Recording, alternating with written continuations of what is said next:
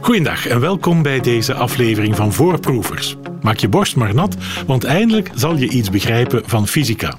Suzy Sheehy heeft namelijk een zeer lezenswaardig boek geschreven, genaamd De bouwstenen van alles. Als daar geen ambitie uitspreekt. Ik praat erover met professor Dirk van Dijk van de Universiteit Antwerpen.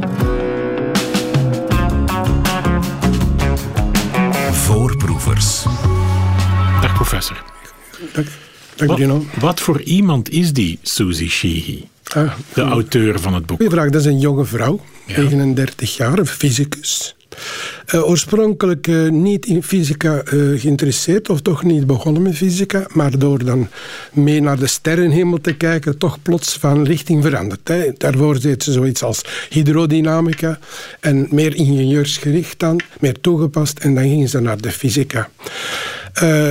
Daarom heeft ze ook heel veel aandacht aan andere wetenschappers die ook niet eerst fysica begonnen zijn. Dus ook in het boek staan er voorbeelden van mensen die eerst dan niet van plan waren, door een of andere reden toch veranderd en dan uiteindelijk Nobelprijswinnaars gewonnen in dat gebied. Dus met andere woorden, de boodschap is, fysica kan enorm boeiend zijn zodra je het doet. Ja, en ze, ze heeft een, een grote liefde, eh, eh, lijkt het wel, voor de kracht en de allesomvatheid van de fysica. Hè? Want dat, het is eigenlijk, wat haar betreft, en misschien is dat ook zo, de verklaring van alles. Ja, maar dat is ook een gevolg van het onderzoek dat ze mee heeft gevolgd. Zij is een specialist op het gebied van versnellers. Versnellers, ik leg eventjes uit, als je naar het kleine gaat, want het, het boek heet zo, hè, dus op zoek naar, het klein, naar de kleinste bouwstenen, Ja. dan moet je telkens dingen kapot schieten met soort kogels. Dat zijn dan deeltjes. Die moeten heel snel zijn. En die moeten dan zo daar iets kapot schieten dat er brokstukken uitkomen. Die brokstukken probeert je dan te detecteren, te begrijpen. En dat leert dan iets terug over het oorspronkelijke deeltje. Nadien worden die brokstukken op zich terug de doelen waar men terug op gaat schieten. Dus telkens wordt het kleiner en kleiner. Dan lijkt het erop dat alles moeilijker en moeilijker wordt. En er worden meer en meer en meer deeltjes. Maar dat is niet waar. Kijk nu naar de tabel van Mendeleev. Daar staan alle gekende elementen in. Ten tijde van Mendeleev waren dat er minder. Maar als je die mooi rangschikt, dan kun je zien dat daar orde in zit. Dus er moet ergens een bouwsteen zijn op lager niveau die toelaat van die elementen te maken. En als je die bouwstenen kent, ja, dan heb je natuurlijk orde gevonden lager. Nu, telkens opnieuw gaat in dit boek gaat men eh, stapsgewijze verder met hoe kunnen we sneller Je hebt deeltjes nodig die iets kunnen kapotschieten, dus die heel snel moeten zijn. Je moet zo kennen, die deeltjes. En, en zodra het snel is, moet je dus ook de, de targets, de, doel, de doelen kiezen. De, de brokstukken detecteren en daaruit de volgende stap doen. Dus ik denk dat er twaalf experimenten... Maar voordat we daar in detail gaan, hè, want ze, ze, ze lijkt ook te suggereren dat fysica een alternatief zou kunnen zijn voor filosofie. Dus eigenlijk voor de, de verklaring op de, de ultieme vraag, waarom bestaan we, waarom leven we, dat dat antwoord eigenlijk even goed via de fysica kan komen dan via godsdienst of, of, eh, of filosofie. Ja, en moet zeggen, sinds Descartes, sinds Bacon, is de vooruitgang vooral op basis van experimenten gedaan. Ik spreek nu over de 15e, 16e eeuw, plus de boekdrukkunst. Dus zodanig dat iedereen het kon lezen, nieuwe experimenten bedenken. En het is nu nog zo, het is mogelijk van twee verschillende theorieën te hebben. En een van de twee heeft gelijk en de ander niet, maar je weet het niet. Dus Fong zegt, oh nee, dat is geen probleem. Dat leidt tot de volgende experimenten. Ooit gaat er een van de twee winnen, maar hij heeft goed meegewerkt. Hè. Dus daar gaat altijd vooruitgang in dezelfde richting. Ik kan me niet, niet voorstellen dat er echte catastrofale fouten geweest zijn. Dat de wetten van Newton bijvoorbeeld niet meer zouden geldig zijn. Die zijn nog vandaag nog altijd geldig. De wetten van Einstein, 12 cijfers na de komma. Dus daar is altijd vooruitgang. Er zijn andere soorten theorieën waar men telkens opnieuw filosofeert zonder dat er echt eh, experimentele controle van is. Ik hoor u eigenlijk zeggen dat de fysica dan superieur is aan... Dat mag je niet zeggen. Eh, nee, want de fysicus is eh, modest. Hè. Het kan zijn dat hij een theorie heeft en zegt: voilà, ik heb het gevonden. En dan test niet. Is een voorbeeld van het, van het het oeps-elon-deeltje. Hè. Men had een deeltje voorspeld. En dan eh, is Leon Lederman, de leider van het experiment. En het ging er zijn. En men test en men ziet daar plots eh, informatie dat het deeltje daar kunnen zijn. Hop, dat gaat in de wereld rond. En, eh, en uiteindelijk was het failure pas op, het, het, was gedetecteerd, maar het was geen echt deeltje. Het was nog niet overtuigend genoeg. En in plaats van dat het y-deeltje te noemen, heeft men uiteindelijk het oeps-leon-deeltje genoemd. En sindsdien, en dat doet men ook in de CERN, zal men pas aanvaarden dat er iets nieuw ontdekt is als wat men noemt een 5-sigma-criterium is. Dat wil zeggen, als het 99,99% geen, geen, mis, geen mismeting kan zijn. Dus, dus bijvoorbeeld het Higgsboot, het Higgsdeeltje, dat is 5 sigma, dat heeft een tijdje geduurd voor men dat wilde publiceren. Men moest absoluut zeker zijn dat het geen fout was. Dus, dus af en toe is men ook onzeker, maar toch, men weet hoe dat ermee moet omgegaan worden. Laten we eens naar een aantal van de experimenten die zij beschrijft eh, gaan kijken. Bijvoorbeeld een van, de, een van de eerste waar ze over spreekt is de ontdekking van de röntgenstralen door meneer Röntgen zelf. Ehm, heb ik het goed begrepen dat die min of meer per ongeluk ontdekt zijn? Ja, eigenlijk moet ik zeggen, rond, rond 1895, 1896 waren er verschillende experimenten per ongeluk. Bij Röntgen was het zo, dus uh, een, een, toestel dat toen al eens in salons gebruikt werd, was een soort wat kathodestraalbuis, dat is gewoon een vacuümbuis met gas in. Daar zat een elektrode in, een plaatje waar een spanning op stond. Dat stond elektronen uit, dat wist men toen nog niet. En dat gaf Dat, dus, dat, was het concept eigenlijk. Ja, ja, door het feit dat we die vacuüm met gas en. Inderdaad, maar dat is een toestel. het licht Dat is juist, dat, dat zal licht geven. Maar waarom, dat wist men niet. In Engeland heeft dan Thomson verder onderzocht wat dat, dat licht veroorzaakt. Er moeten ergens deeltjes zijn die dan versneld worden enzovoort. Hij heeft magneten gebruikt en dergelijke. Hij heeft trouwens bewezen dat een elektron een lading heeft het kleinste leeltje doen, dat het kan afgebogen worden in een magnetisch veld als je dat buigt en dergelijke en de massa bepaalt. Dus massa en lading. Toen, maar toen... Uh, wat, deed, wat, deed, Röntgen met die... Uh... Een goede vraag. Röntgen was er ook aan mee bezig, maar hij, hij had gezien als je die buis opzet, dat er plots op een ander scherm plots een beetje licht kwam dat kwam niet uit die buis. Ik bedoel, dat was niet het resultaat van die buis, maar de buis had het wel veroorzaakt. Ja. Wat doet hij dan? Hij gaat dat proberen tegen te houden. Hij met karton, papier, de hand van zijn echtgenote en plots zie hij verdorie, ik zie de beender in de hand. Dat, dat, is fantastisch belangrijk. Vandaag zou men zeggen, niet publiceren, rap een patent nemen, niks van. Hij wilde daar vooruitgang mee. Hij heeft dat gepresenteerd voor een demonstratie bij de, in de geneeskunde. En men zag direct dat je dus niet alleen de hand van de vrouw, maar die had ook een ring aan. Die zag je ook. Direct zag men, verdorie, we kunnen hier breuken mee bekijken. Hetzelfde jaar, binnen het jaar, was er al zo'n toestel op, op, op, een, op een strijdtoneel, op een veld.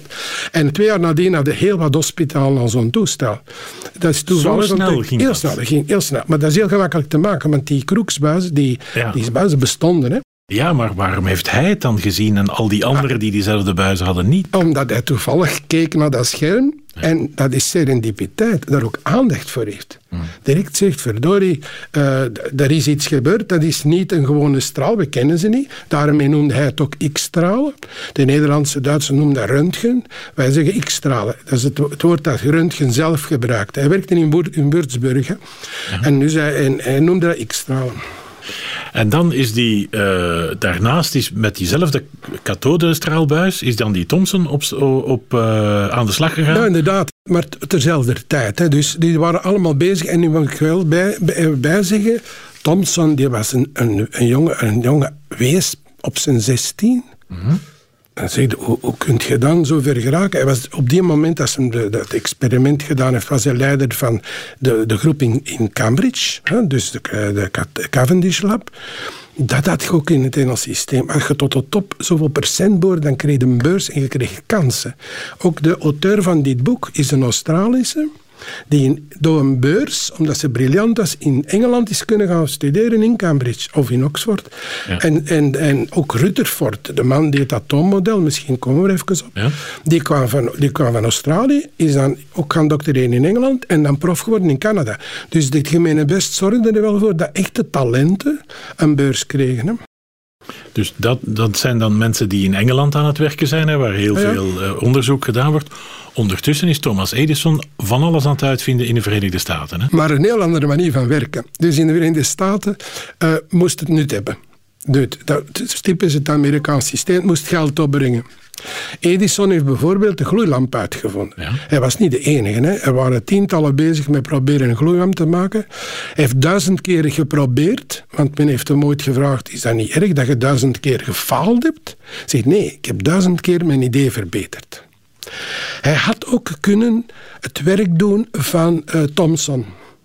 Want op een bepaald moment, eh, het probleem met een gloeilamp is dat de koolstof verdampt en dan wordt die een draad dun en dan moet dat stoppen. Hij had daar een rooster voor gezet. Hij had er elektrisch geladen en die koolstofafdamping verminderde. Maar voor hem was dat niet zo interessant wat de reden was, maar wel dat hij het kon gebruiken dat geld kon opbrengen.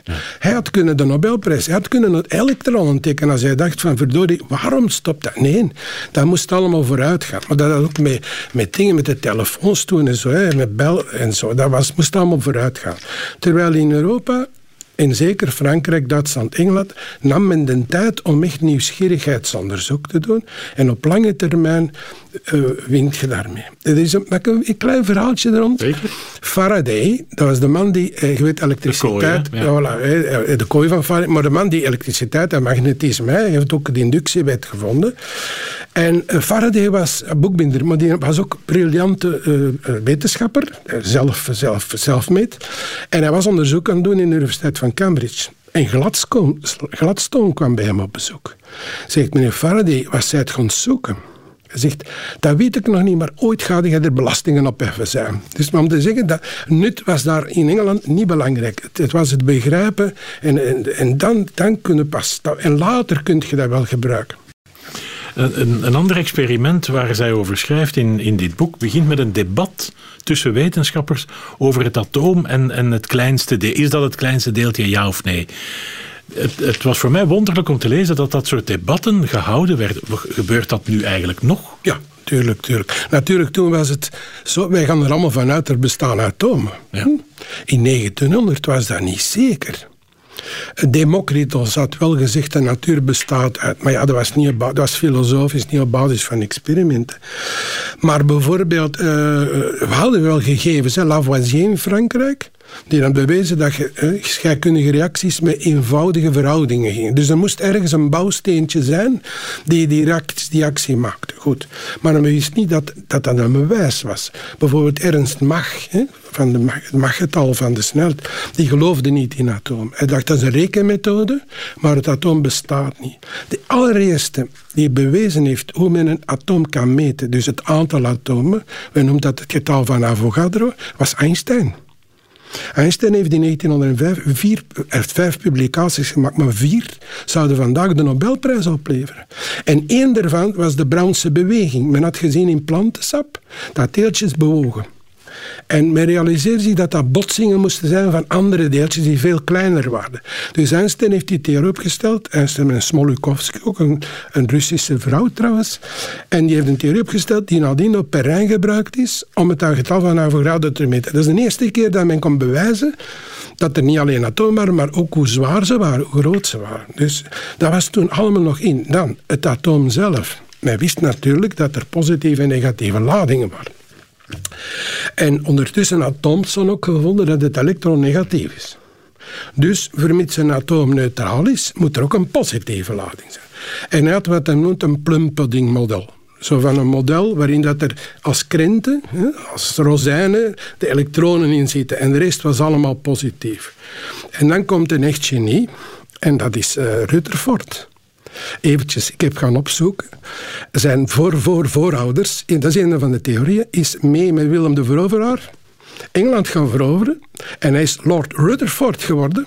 Hij was de de heer van Rutherforde. Zeg dat maar eventjes. Dat is ook een weinig bekend verhaal, maar ik heb dat toevallig van. Maar goed. Dus, dus Rutherford mogen wij claimen en voilà. eigenlijk gewoon een West-Vlaming. Nee, dat is een West-Vlaming, inderdaad. inderdaad. Dus, maar wat deed Rutherford? Hij zegt, we gaan het atoom beschieten. Ja. Maar gaat geen versnellers, hè. gaat amper elektriciteit. Hè. Dus hoe hij die beschieten?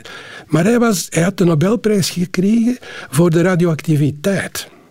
Hij had een uitleg voor de radioactiviteit. Trouwens, ook dat is serendipiteit. Hoe ontdekt men radioactiviteit? In Frankrijk is er een geleerde, Becquerel.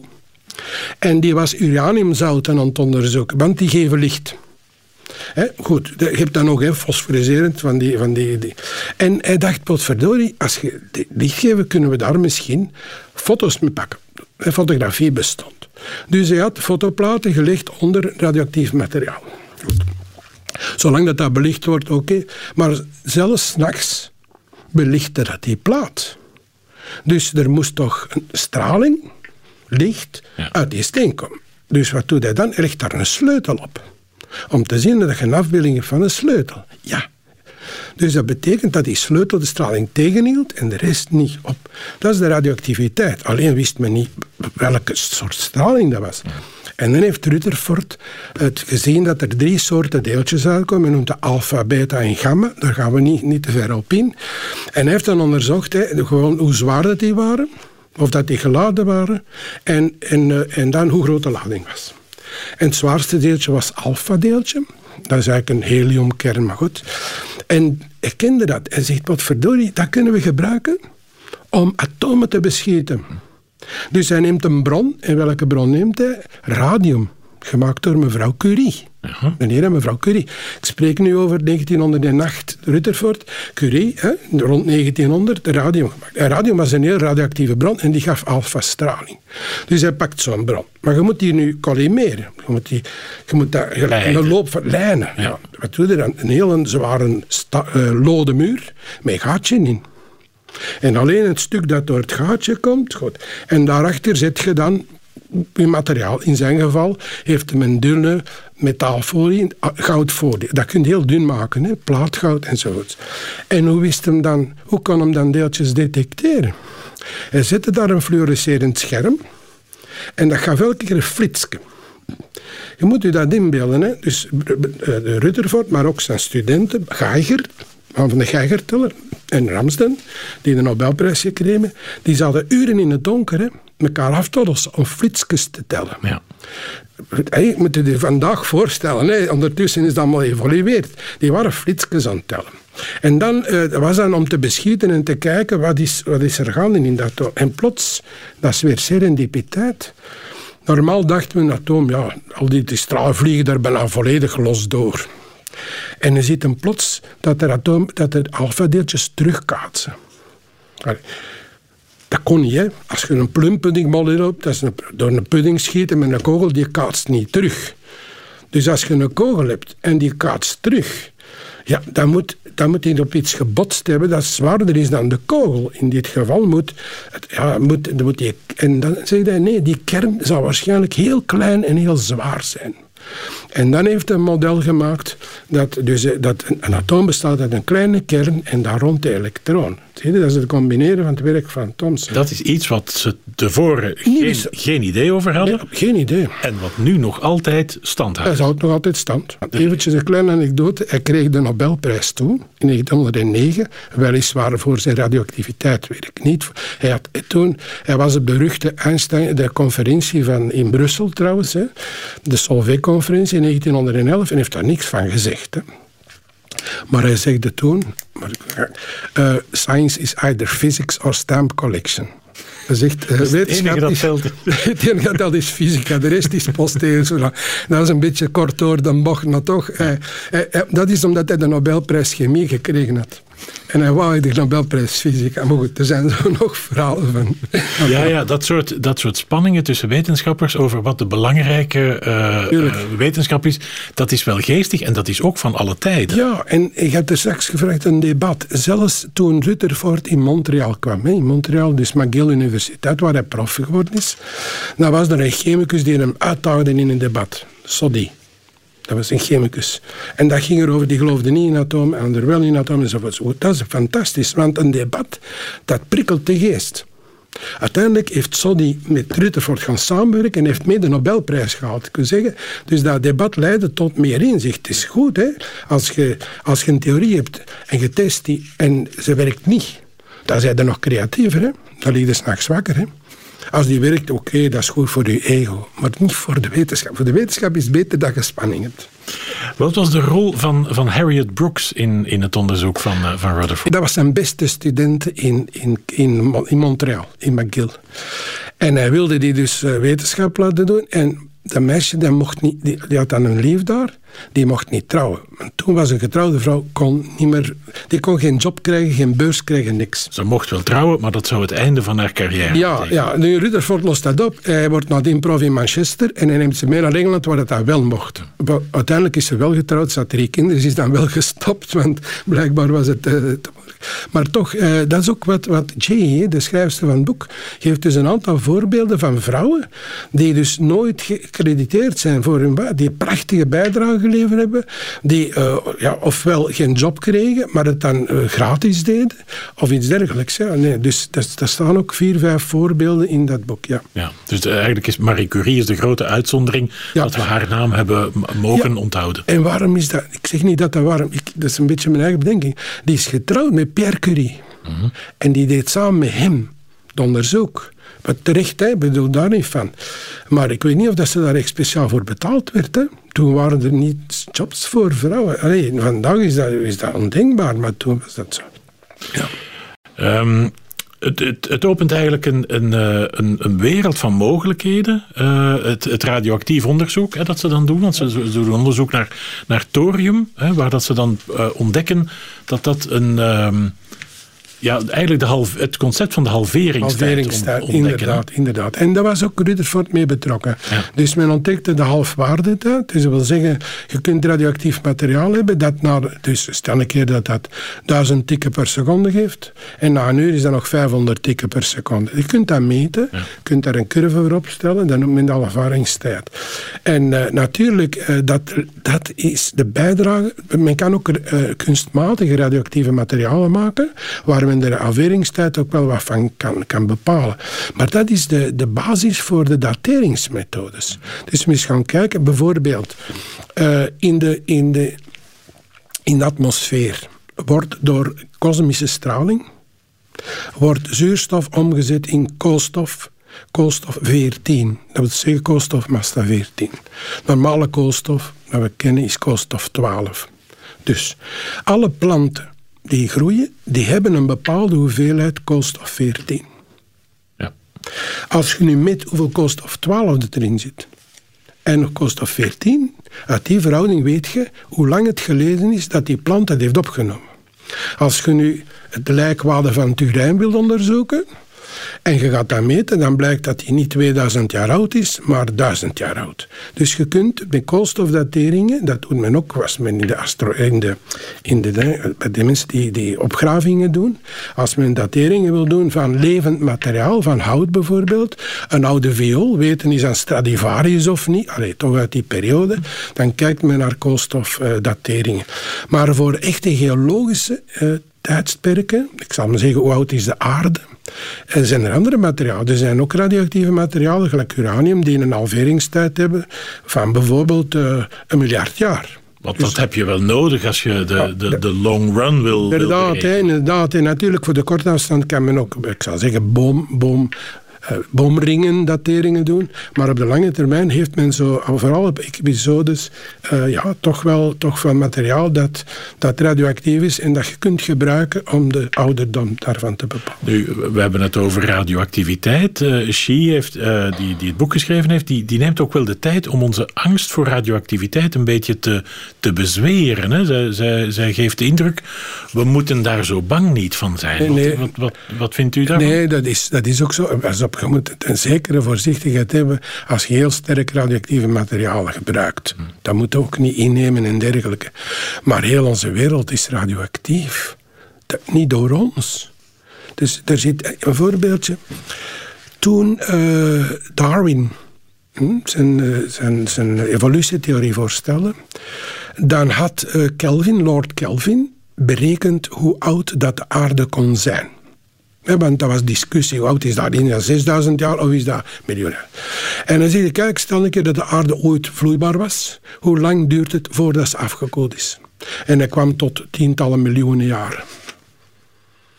Hij zat in de zaal waar Rutherford zijn presentatie gegeven heeft in Engeland. En Rutherford zegt gelijk, de reden dat de aarde dus haar temperatuur lang houdt, is door radioactiviteit.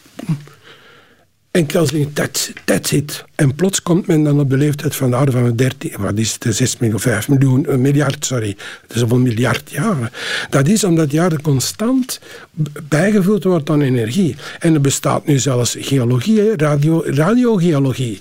Die houdt en er zijn zelfs experimenten in Australië, experimenten diep onder de grond om te kijken. In de Gran Sasso in Italië, Gran Sasso, daar hebben ze ook gedelicate experimenten om te zien wat is de bijdrage tot de aardwarmte vanuit de radioactiviteit. Een, een, een hele interessante discussie, uh, in het algemeen denk ik in de fysica ooit, ooit geweest, maar die hier in, in het boek veel aandacht krijgt, is die over de aard van het licht. Is licht, zijn dat golven of zijn dat deeltjes? Die twee theorieën stonden tegenover elkaar en eigenlijk vrij lang. Ja, absoluut. En eh, we denken natuurlijk direct aan de kwantummechanica, maar zelfs ten tijde van Newton Newton deed ook veel onderzoek. die voor alle duidelijkheid niets wist over kwantummechanica. Nee, nee, eh, sorry, inderdaad. In tijden van Newton, die was ook bezig met licht. Hè. Pas op, Newton deed veel dingen. Hè. Niet alleen de wetten van de fysica en de mechanica, maar ook licht. Ook de Newton-ring. En als je een druppeltje olie op het water ligt, die, die, die contrastverschillen, dan noemen men Newton-ringen. Dus Newton was daarmee bezig. Maar hij dacht eerder in termen van deeltjes. Ja. Huygens, Nederlander, ja. die dacht in termen van golven interessant om even te vermelden, wat zo merkwaardig is aan die experimenten is, bijna niets, bij bijna niets van wat ze gevonden hebben, kan je uitgaan van je buikgevoel. Intuïtie, wat ik, het gezonde boerenverstand, daar heb je in de fysica niets aan. Niets aan, ja. Want licht is, ja, het, het zijn overduidelijk golven. ik heb nog nooit, nooit eh, blauwe plekken gehad van in onder een lamp te staan. Dus het kunnen geen deeltjes zijn. Dat is gezond boerenverstand, maar zo werkt het Nee, je hebt daar gelijk. En, en over dat boerenverstand, dat is inderdaad, uh, je hebt... Uh, normaal gezien, men vraagt om mij soms, omdat ik ook in mijn, in mijn eigen onderzoek veel kwantumfysica gebruik, elektronenmicroscopen, dat is pure kwantumfysica, vragen ze mij, begrijpt jij kwantummechanica? Wel, een van de grootste geleerden van de laatste honderd jaar is uh, Richard Feynman. Die zegt, om eerlijk te zijn, niemand begrijpt echt kwantummechanica. Dus als men mij die vraag stelt, ja, dan moet ik proberen eerlijk te antwoorden. Nu, ik mag eventjes uh, de allegorie en het verhaaltje van de grot van Plato vertellen. Dus dat is een Griekse filosoof. Die zei eigenlijk, uh, denk eens even aan een grot waarin gevangenen worden opgesloten. Maar ze zitten met, eh, geketen, maar met hun gezicht naar de achterkant van de grot. En heel de wereld wordt geprojecteerd op de achterkant van de grot. Dus ze kunnen zich een voorstelling maken van wat de wereld is. Maar de echte wereld is buiten de grot van Plato. Goed. Nu, uh, ik, heb, ik ken kwantumfysica, ik heb alle formules daarvoor. Maar in die formules zitten onderdelen die puur wiskundig zijn. om het eventjes... en, die je dus niet kan zien? Die nee, die kun je niet zien. Ik geef een voorbeeld. Iedereen heeft wel van complexe getallen. Iedereen niet, maar normaal gezien in de wiskunde heb je complexe getallen gezien. Wiskundig is dat een heel mooie constructie. Daar zit het getal i in. Wat dat niet kan, dat is niet reëel. Dus i is de wortel uit min en dat bestaat niet. Dus hoe kan ik nu... Ik pas op, met die formules waar i in zit, kan ik berekenen wat de uitkomst van een experiment gaat zijn. Dat dan wel reëel is. Ja. Dus als ik dat voor elk experiment kan, dan moet ik toegeven, ik begrijp kwantumfysica. Nee, ik, begrijp de, ik heb de formules, ik word eraan gewoon, ik weet hoe dat, dat werkt. Maar ik kan niet uitleggen aan iemand wat i is ook niet aan mezelf. Het is gewoon een wiskundig tool om een resultaat te berekenen. Dus we zitten nog altijd allemaal naar die schaduwen in de grot van Plato te kijken en wij kunnen niet achter ons zien. Nee, dat kan ook niet. Maar we hebben wel de tools. Hè, dus we kunnen wel berekeningen doen. En, denk eens aan een experiment. Ik bereken en dat is de uitkomst. Trouwens, mijn eigen werk is berekenen van beelden in elektronenmicroscopie. Dat is allemaal kwantumfysica tot als gedetecteerd en tot als het beeld er is. En dan is de, kun je de intensiteit meten. Maar de, de, de, de fase noemen we dat, is je kwijt. Toch even terug naar het licht. Hè? Golven, zegt uh, Constantijn Huygens. Deeltjes, zegt Newton. Wie heeft er uiteindelijk gelijk? Wel, uh, eventjes verder. Dus in 1802 was Thomas Young, heeft interferentie-experiment gedaan. En in Frankrijk had de Fresnel. Dus de Franse school was de beste. En die zijn ver op vooruitgelopen op het gebied van de golf. Dus al de theorieën vandaag, de theorie van brekingsindex en dergelijke, dat is Fresnel. Uh, als de, de, de, laten we zeggen, normaal, en in, dat heeft dan eh, dingen gezegd uh, in rond 1821, de Broglie heeft gezegd, het zijn golven en deeltjes. Dus golven en deeltjes, goed. Ik eventjes een interpretatie die misschien wel bruikbaar is nu. de golven die wij kennen, laten we even geluidsgolven nemen. Ik neem aan dat we dat kennen we zijn er nu volop gebruik van aan het Inderdaad. Je hebt geluidsschalven. Hoe maakt je geluidsschalven? Je hebt een instrument. Dat kan een orgelpijp zijn, dat kan een gitaar zijn, een viool zijn, dat kan een fluit zijn. Goed. Je neemt een snaar en je trekt eraan, die geeft een bepaalde toonhoogte. Dat is een bepaalde frequentie. Neem diezelfde snaar, trek er een beetje harder aan, dan verdubbelt de frequentie. Dat is een octaaf hoger. Een octaaf wil gewoon zeggen dat de frequentie, het aantal trillingen per seconde, verdubbelt. Kun je nog harder trekken, dan krijg je nog een octaaf. Dus als je dat inspant, als je die snaar inspant, dan zijn de frequenties vast. De energie is dus discreet, gekwantiseerd. Dus, dus op heel laag niveau is alles een golf. Daar is geen deeltje. Zolang het niet meet, is er geen deeltje. Het is alleen een golf. Maar die golf die kun je opsluiten en die kun je kwantiseren. Neem even een atoom. Dat is een, kern. Er is een elektron dat er in die kern valt, maar daar is een golf. Zolang dat we niet meten, is dat een golf. Als jij, dat is dus een opgesloten golf. Dat is een staande golf. Dat is gelijk als een snaar, geeft die gekwantiseerde energie. Dus je kunt niet continu van de een op de andere gaan, omdat ze opgesloten is. Moest ze vrij zijn, wel, maar dat is niet. Dus op die manier heb je discrete energieniveaus. Dat heeft Planck ontdekt in 1900, maar hij wist de reden niet. Hij had over hem een wiskundig trucje, omdat hij bepaalde experimenten wilde uitleggen. Het is heel duidelijk, het, opslagen, het opsluiten van golven geeft kwantisatie. Dus het woord kwantumfysica is een gevolg van het golfkarakter. Maar we zijn nog altijd niet aan het meten. Dus zodra dat je nu uh, zo'n golf hebt en je brengt die op een scherm. En ik heb er experimenten vanuit Bologna, trouwens van, van mensen die, waar ik mee samengewerkt heb, Merli en Pozzi. Die hebben dus zo'n beeld in een elektronenmicroscoop deeltje per deeltje gemaakt. Tak, tak, tak, tak. Goed. Nu zie je dat ergens, als je een interferentiepatroon hebt, dat wil zeggen, je ziet franjes, je ziet dus golven. En er zijn plaatsen met veel intensiteit en plaatsen met weinig intensiteit. nu, stel je doet dat deeltje per deeltje. Hè. Je neemt twee spleten en je stuurt daar deeltje per deeltje op. Wel, elk deeltje komt ergens op het scherm en dan zie je dat als er veel intensiteit is, dat daar de meeste deeltjes terechtkomen. Dus dat stelt een waarschijnlijkheid voor.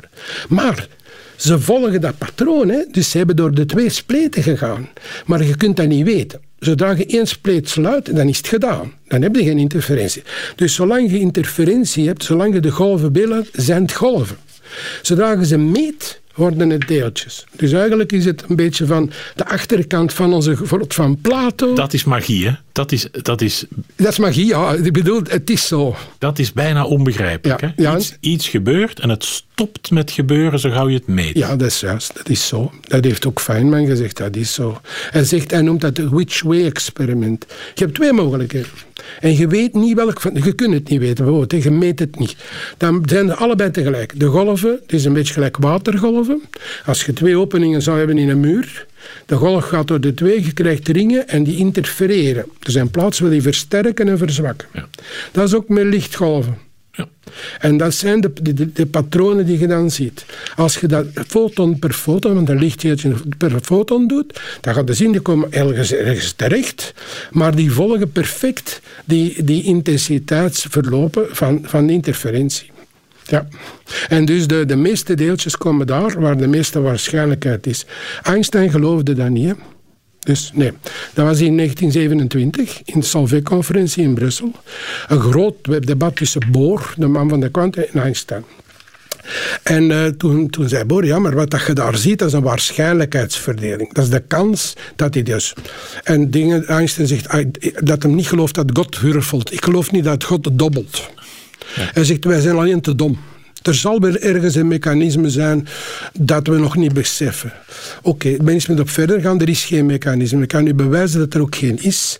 Daar stopt het. Dus je kunt echt niet weten door welke spleet. En als je het wilt weten, dan is interferentie gedaan. En dan stopt het. Dus, stopt het. dus het is zo, licht is zowel golven als deeltjes. Dat is juist. Maar niet alleen licht. Nee. Alles. Alles. Alles. Wij ook. Wij ook. Wij zijn golven. Wij ook. Wij, ook. Wij zijn ook golven. Absoluut. Alleen hebben we voor u te beschrijven miljarden golven nodig enzovoort. Dat is de Schrödinger-kat-paradox. Misschien heb je daarvan gehoord. Dus stel een keer dat je een, eh, een experiment hebt met twee mogelijke uitkomsten. Hm? En je weet niet op voorhand, hè? deeltje komt links of rechts. Goed. En het kan de twee. Dus dat is gewoon kwantumfysica. Maar als het deeltje in de op, en je hebt twee detectoren, hè? het komt links of rechts. Als het in de een komt, er zit een kat in een kooi en die wordt doodgemaakt, in het ander niet. De vraag is, is de kat nu levend of dood? Hè? Dat noemt men Schrödingers katparadox. Ja. Goed, de, er is een oplossing, ik ga dat nu in detail zeggen. Dat als het allemaal heel, heel veel golven hebben, dan wordt het bijna reëel. Ik zal zeggen, dan, dan, dan doven ze uit als het, hetgeen, dat niet, niet echt reëel is. Dus eigenlijk bijna, ja, dat is moeilijk uit te leggen met... met, met uh... En dus wij en alle dingen dat we echt zien, zijn dan hebben heel veel golven. Oh, zo is het. Zo is het. En als je enorm veel golven hebt, eh, en dan, dan, dan, zodra dat je er iets buiten zit, dat heeft ook Feynman gedaan. Dus zodra je iets buiten dan, dan oscilleert dat verschrikkelijk veel. En dan dooft het elkaar uit door, door te verschrikkelijk snel te oscilleren. Alleen in het, in het reële pad, zal ik maar zeggen, daar versterken ze elkaar nog. Dus het zijn, blijven golven. Ja. Uh, hartelijk dank, professor. Wie er meer over wil weten, uh, verwijs ik graag door naar het boek van Suzy Sheehy, De bouwstenen van alles. Dat is uit bij Thomas Rap. Uh, Dirk van Dijk, professor aan de Universiteit Antwerpen, professor emeritus moet ik zeggen, maar nog bijzonder actief. Hartelijk dank voor het gesprek. Dit was Voorproevers. Probeer zeker ook de andere podcast van Voorproevers op VRT Max.